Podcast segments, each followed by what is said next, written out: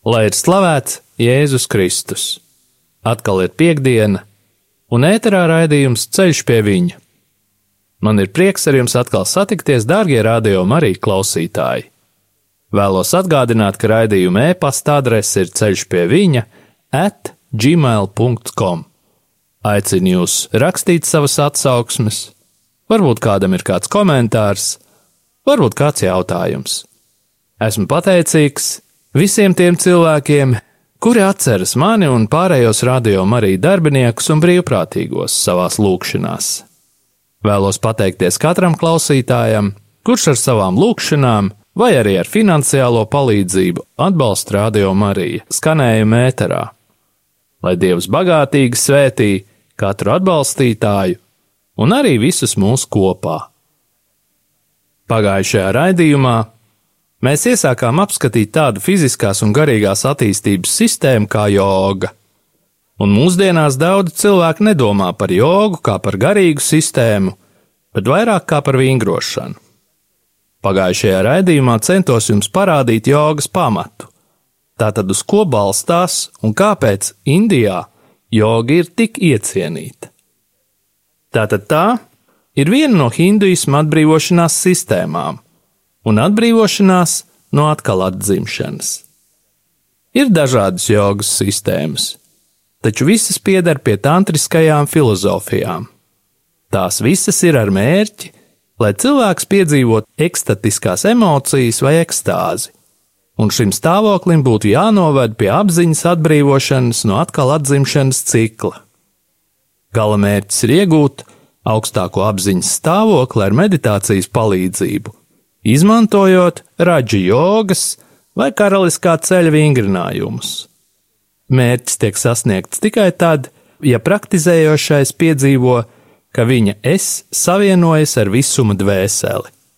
Tagad mēs īsumā aplūkosim dažādas jogas sistēmas, kuras izmanto vienus un tos pašus vingrinājumus, kā arī tās pašas ķermeņa pozas. Pirmā ir hatha joga, kur tiek dēvēta arī par spēka jogu. Tā vēlas izmainīt apziņu caur fiziskiem vingrojumiem. Otrā ir raģi joga, vai karaliskais ceļš, kur jau tika pieminēta. Tā cenšas sasniegt mokšu vai glābšanu caur meditāciju. Trešā ir laija joga, kuras mērķis ir likvidēt saikni ar apkārtējo vidi caur pastāvīgu vienas skaņas atkārtošanu, pie kam tā atdala arī apziņu no īstenības. Ceturtā ir mantra joga, kuras mērķis ir izmainīt apziņu, atkārtojot konkrētas zilbes, tās izdziedot. Piektā ir kundalīnija joga, kurā ar hatha jogas vingrinājumu palīdzību No mugurkaula lēs daļas čūskas spēku izvada caur ķermeni uz augšu.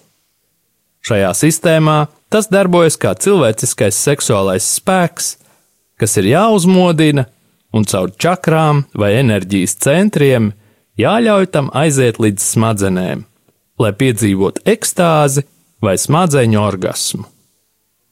Sestā ir sitha joga, kas cenšas attīstīt psihiskas manifestācijas, caur kurām parādās gaišredzības, sadzirdēšanas un pareģošanas spējas, un tās norāda par noteiktu apziņas stāvokļa pakāpi. Septītā joga ir krīja joga, kas ir sistēma, kas pieļauj visas jogas formas. Jogas nodarbības ietver sevī astoņus līmeņus. Pirmais līmenis ir paškontrole vai jamma Prasība ir ievērot piecus morāles likumus - nevardarbība, godīgums, šķīstība, izvairīšanās no alkatības un atteikšanās zakt. Otrais līmenis ir precīza paškontrolas likumu ievērošana, saukta par nijāma. Trešais līmenis ir ķermeņa stāvokļi, sauktas asanas. Tās ir noteiktas pozas ieņemšana, kuru uzdevums ir atbalstīt meditāciju. Piemēram, lotosa poza, kura nosaukums ir Padmasana. Ceturtais līmenis ir elpošanas kontrole, kas saucas pranajama. Piektais līmenis ir atturība, kas saucas pratjahara. Ir jākontrolē maņu orgāni, tā lai tie nereaģētu uz apkārtējo vidi. Sestais līmenis ir koncentrēšanās, ko sauc par dharāna. Prāts tiek vērsts uz vienu vienīgu objektu, un bieži cilvēks palīdz sev ar mantru dziedājumiem. Septītais līmenis ir meditācija, kas saucas dhyana, kur domas tiek vērstas uz vienu objektu. Astotais līmenis ir kontemplācija, kas saucas samadhi. Tā ir sevis apzināšanās un būt vienotam ar bezpersonisko pasaules dvēseli, brahmu. Vārds kontemplācija ir paņemts no kristīgajām tradīcijām Jo mēs visi zinām, ka šis vārds apzīmē stāvokli, kas nozīmē savienošanos ar Dievu. Šādu stāvokli nav iespējams izstrādāt, tas ir sasniedzams tikai caur Dieva žēlastību.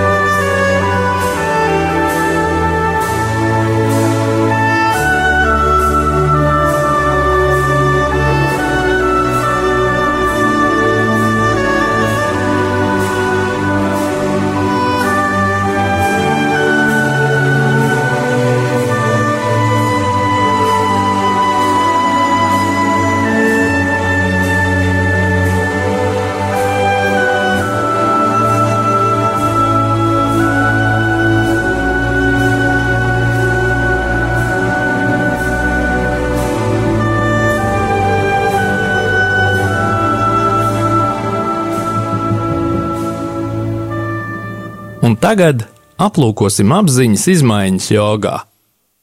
Ja vadāmies no Svami Vive Kanāda, kas ir indiešu filozofs dzīvojošs Ņujorkā 19. gadsimtā rakstus par jogu, ir jāatzīst, ka ķermeņa stāvokļi un vingrinājumi ir kaut kas vairāk nekā fiziski vai psiholoģiski efekti. Jāpiezīmē, ka modernajā medicīnā nav zinātnisku atzinumu, kas atbalstītu seno indiešu priekšstatus par cilvēku psiholoģiju. Galvenokārt šajos priekšstatos ietilps čakras, kas ir enerģijas centri, un meridiānas, kas ir enerģijas virzītāji ceļi. Tomēr šīs emocijas un pārdzīvojums var attiecināt ne tikai uz subjektīvu raksturu. Hinduisti to izprot kā garīgu notikumu gaitu, ko varētu attiecināt uz nepietiekamām zināšanām fizioloģijā un psiholoģijā. Atšķirībā no iepriekš minētā, Bībelē, pirmajā vēstulē Tesaloniķiešiem, 5. nodaļas 23. pantā, pilnīgi skaidri atklāta cilvēka garīgā, emocionālā un fiziskā daba. Nav pietiekami daudz fizioloģisko un psiholoģisko pētījumu, kas izskaidrotu konkrētu jogas vingrinājumu ietekmi uz apziņu. Tomēr mēs varam atrast pierādījumus noteiktām cilvēka organismu funkcijām, kas atklāja ciešu saikni starp fizioloģiju un psiholoģiju. Sekrets saražo hormonus, kas ietekmē mūsu emocionālo dzīvi. Fiziskās darbības, tāpat kā emocionālās un garīgās, stimulē sekrētus, lai tiktu ražoti hormoni, kas pēc tam savukārt nosaka mūsu sajūtas un motivē mūsu darbību. Liekas, ka jogas vingrinājumi īpašā veidā iedarbojas uz mūsu sekrētiem, kas šķiet varētu izskaidrot arī noteiktas izmaiņas apziņā. Varbūt šajā sakarā būtu interesanti pievērst uzmanību tam, ka sešas čakras, jeb enerģijas mēsgli, atrodas ļoti tuvu galvenajiem sekrētiem. Tie arī atrodas tur, no kurienes būtu jāiznāk spēkam, kurš izraisa pārdebiskās manifestācijas, sauktas par sīthis. Varbūt palūkosimies uz ekstāzes vai ekstatisko pārdzīvojumu ietekmi uz brīvo gribu. Kā kristiešiem mums būtu jāpievērš uzmanība apstuļu Pāvila vārdiem: Viss man ir ļauts, bet ne viss man der. Viss man ir ļauts, bet nekam pār mani nebūs varas. Pat ja mēs netiecamies sasniegt ekstāzi, tomēr nav iespējams izvairīties no šo vingrinājumu hinduistiskā fona, un ir nenovēršami, ka šie specifiskie ķermeņa stāvokļi un vingrinājumi ietekmēs mūsu personību nevēlamā veidā. Rāja jogas ķermeņa pozu asanas mērķis ir izraisīt tādu kontemplatīvo stāvokli, kas ļauj apzināties, ka esam vienoti ar pasaules dvēseli. Turpretim ar hatha joga vingrinājumiem cilvēks saņem garīgu spēku, kas dod zināšanas par glābšanu. Tādi ir hinduistu uzskati. Jogu nevar atdalīt no hinduistiskām idejām. Pēc savas būtības joga tika radīta, lai sasniegtu mokšu vai mums saprotamā valodā pestīšanu. Godīgi runājot, jāatzīst, ka hatha joga ir vērsta uz to, lai izsauktu cilvēkā psiholoģiskas izmaiņas. Tā rezultātā tiek attīstīta pārmērīga introspekcija, kas būtu savas apziņas stāvokļu novērošana. To pārdomāt, protams, varētu būt liederīgi kādu laiku, taču beigu beigās šī garīgā pieredze cilvēku nemanot novērš no kristīgā ceļa uz tuvāk mīlestību un pazemību.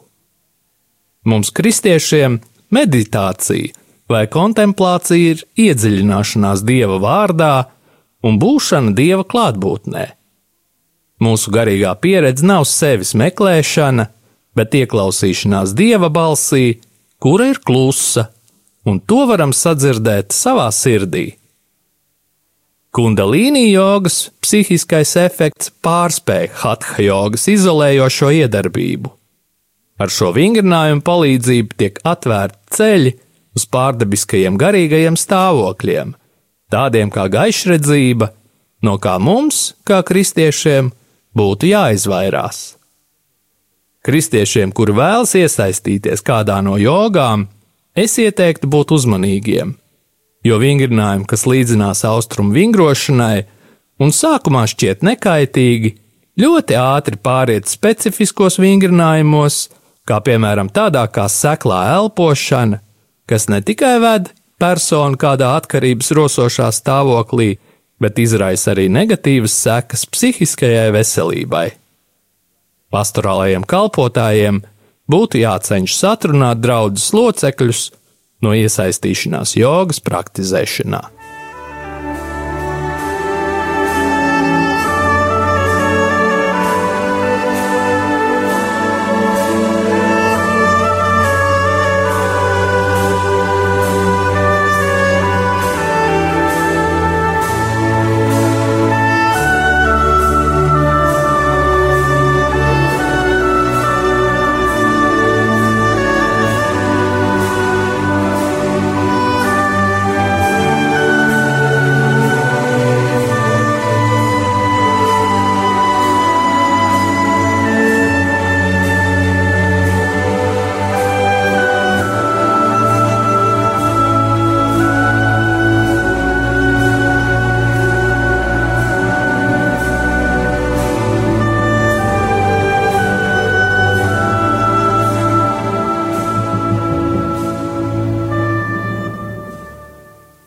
Tā, atkal prom no maldiem. Pagājušajā raidījumā runājām par satikšanos ar Dievu. Un šodien iesim vienu solītu uz priekšu. Ja atgriežamies pie jautājuma, kā iespējams satikt Dievu, tad atbilde ir pavisam vienkārša. Tu vari viņu satikt, palūkojoties visapkārt. Piemēram, uz ziediem vai pats sevi. To visu ir radījis Dievs. Turklāt ne tikai radījis, viņš turpina radīt vēl ar vienu. Pasaules radīšana nav pagātne. Nē, tā notiek vienmēr. Arī pašlaik. Dievs rada tagad. Ja Dievs vairs neradītu, tas būtu pasaules gals. rītdienas patiešām nav. Tās vienkārši nav.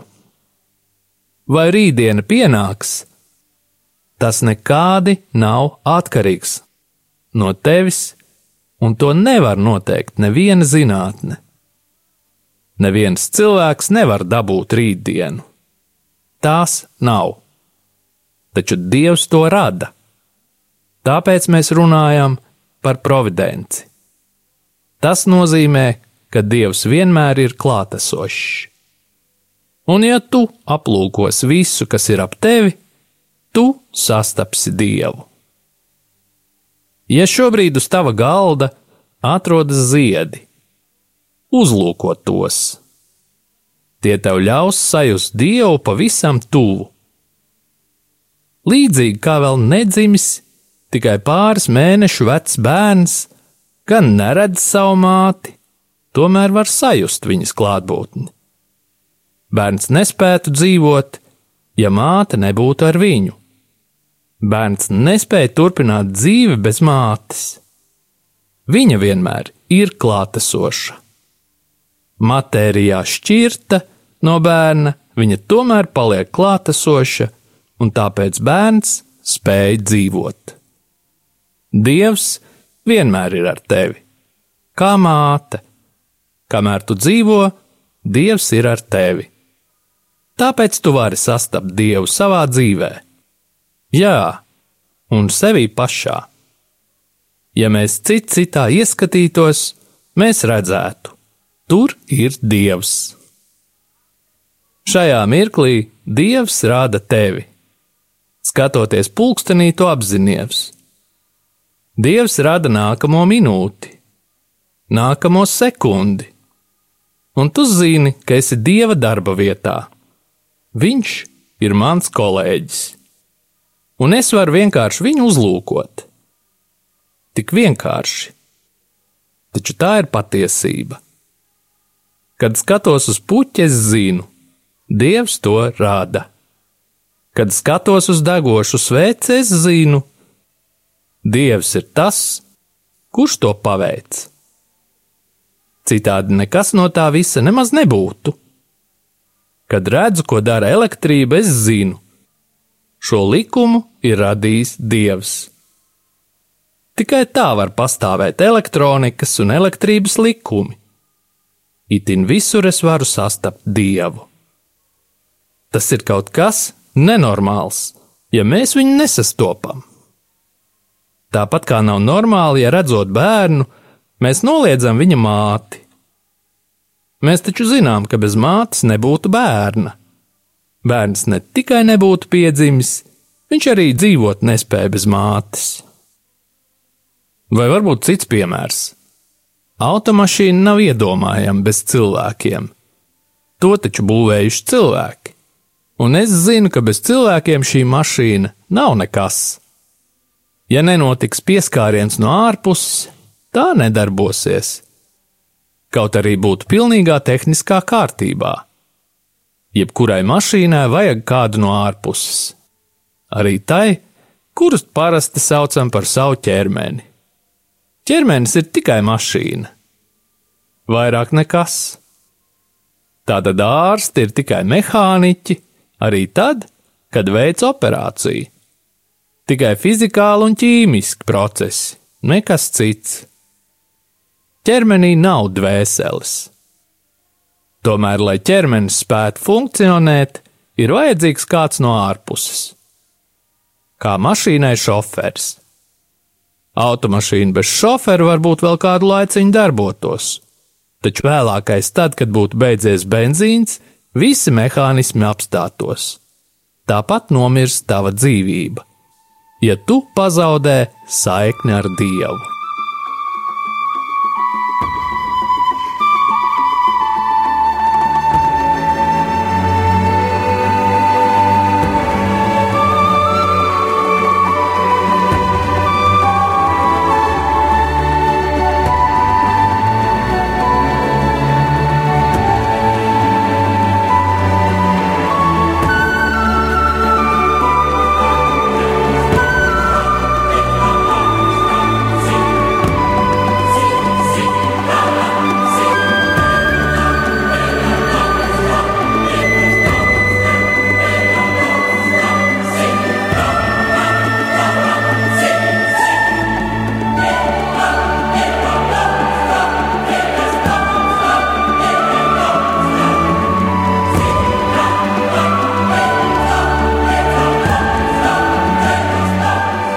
Turmākajās pārraidēs mēs turpināsim uzdot dzīvībai svarīgus jautājumus.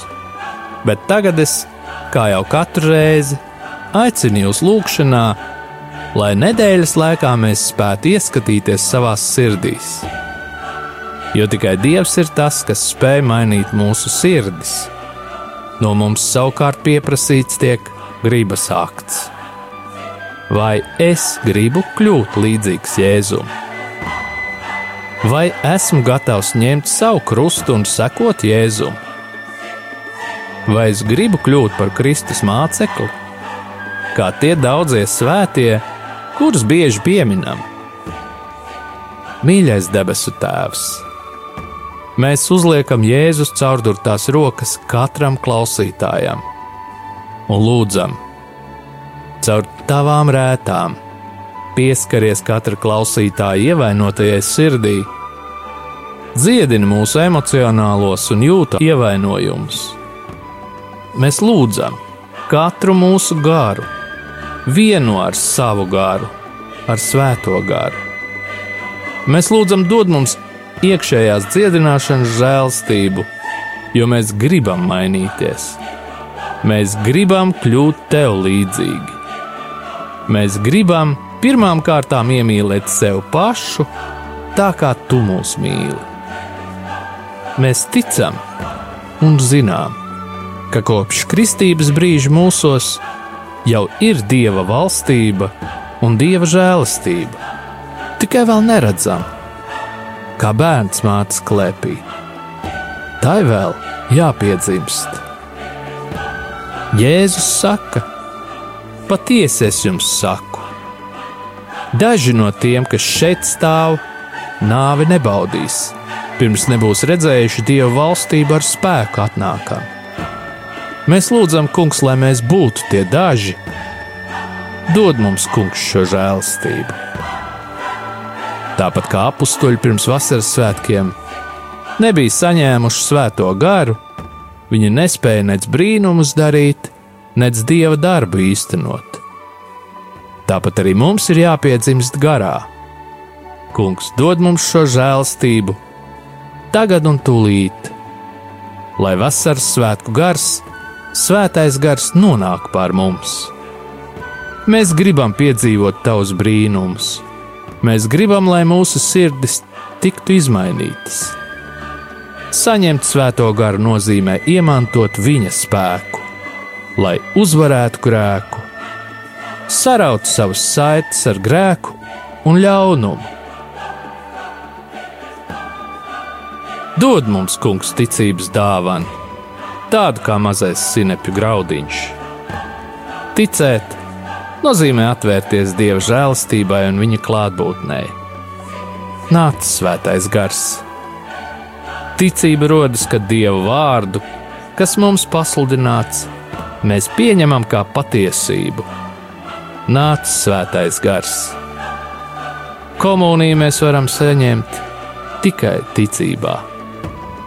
Nāc svētais gars. Jēzus tevī var dzīvot tikai tad, ja viņa vārds ir tevī. Kas mani mīl, tas manu vārdu turēs, un arī mans tēvs to mīlēs, un mēs nāksim un taisīsim pie viņa māju vietu bet ik viens, kas šos manus vārdus dzird un nedara, ir līdzināms nejēgam, kas savu namu būvējis uz smiltīm. Tu sāksi dzīvot, kad sāksi lūgt. Kur cilvēki lūdzas, tur mājos svētais gars. Un tagad pieņem lēmumu, vai tu patiešām gribi piedzimt no jauna. Un tagad vienkārši pateicies Dievam, Slāva tev, kungs! Kad tu drīkst ieiet viņa valstībā, slāva tev, kungs! Tēvs, tagad tu vari mani no jauna laist pasaulē un dzemdināt. Slāva tev, kungs! Nāc un piepildi mani ar savu spēku, lai es kļūstu acīm redzams ticīgais, redzama baznīca un redzama Kristus miesa. Lai Jēzus pasaulē patiesi būtu redzams un iespaidīgs, Slāva tev, kungs! Es pateicos tev, Tēvs, par tavu garu, par tavu dēlu. Es tev pateicos, ka tu šajā laikā dzemdini tik daudzus cilvēkus. Svētī mūs tagad, lai tavs miers nāk pār mums, lai tava roka ir pār mums. Jēzu, tagad ir tavs laiks! dari mūs jaunus, pieskaries mūsu sirdīm, mūsu prātiem, mūsu gribai, mūsu iztēlē. Pieskaries mums katram viscaur, rādi caur mums jaunu zemi, jaunu pasauli. Mēs esam tavi. Būt taviem bērniem, lai pieaugtu tavā spēkā Tagad mēs zinām, ka drīkstam būt tavi bērni. Mēs pateicamies par tavu spēku, par tavu garu, par svēto garu. Mēs pateicamies par tavām dāvanām, par taviem tikumiem. Paldies tev par jaunu prātu, par jaunu atziņu, par jaunu mīlestību. Jēzus saka, es esmu vīna koks Jūs esat zari. Kas manī paliek un es viņā, tas nes daudz augļu. Jo bez manis jūs neko nespējat darīt. Šīs otrās piedzimšanas dāvana nav tavs nopelns. Tā ir iespēja tikai no dieva žēlastības. Jēzum tevi vajag. Viņš ir vīna koks, un tu esi zars pie šī vīna koka uz paša stumbra ogas neaug. Tās atrodamas tikai zaros, protams, tikai tad, ja tas ir dzīves zars, kas aug no vīna koka. Ja kaut kas traucē ritēt sulām šajā zarā, piemēram, grēks, tad zars nokalst. Tāpēc mums vajadzīgi dažādi attīrīšanās veidi, lai dzīvības sula no Jēzus Kristus varētu plūst caur mums. Jēzum tevi vajag, lai dotu pasaulē gara augļus un vīnu. Turklāt neatliekami, steidzīgi vajag. Tikai atļauj viņam sevi lietot. Ļauj, lai viņš tev dod gara dāvanas un augļus. Un tagad saņemiet pāvesta Franciska svētību. Kungs Jēzus Kristus, lai ir pār mums, lai mūs svētītu, lai ir pie mums, lai mūs pavadītu, un lai ir ar jums un mums, lai mūs aizsargātu, lai mūs svētī Dievs Tēvs un Dēls un Svētais Gars, lai asinis un ūdens, kas izplūst no Jēzus Kristus sirds, izplūst pār mums un lai šķīstī, atbrīvo un dziedina.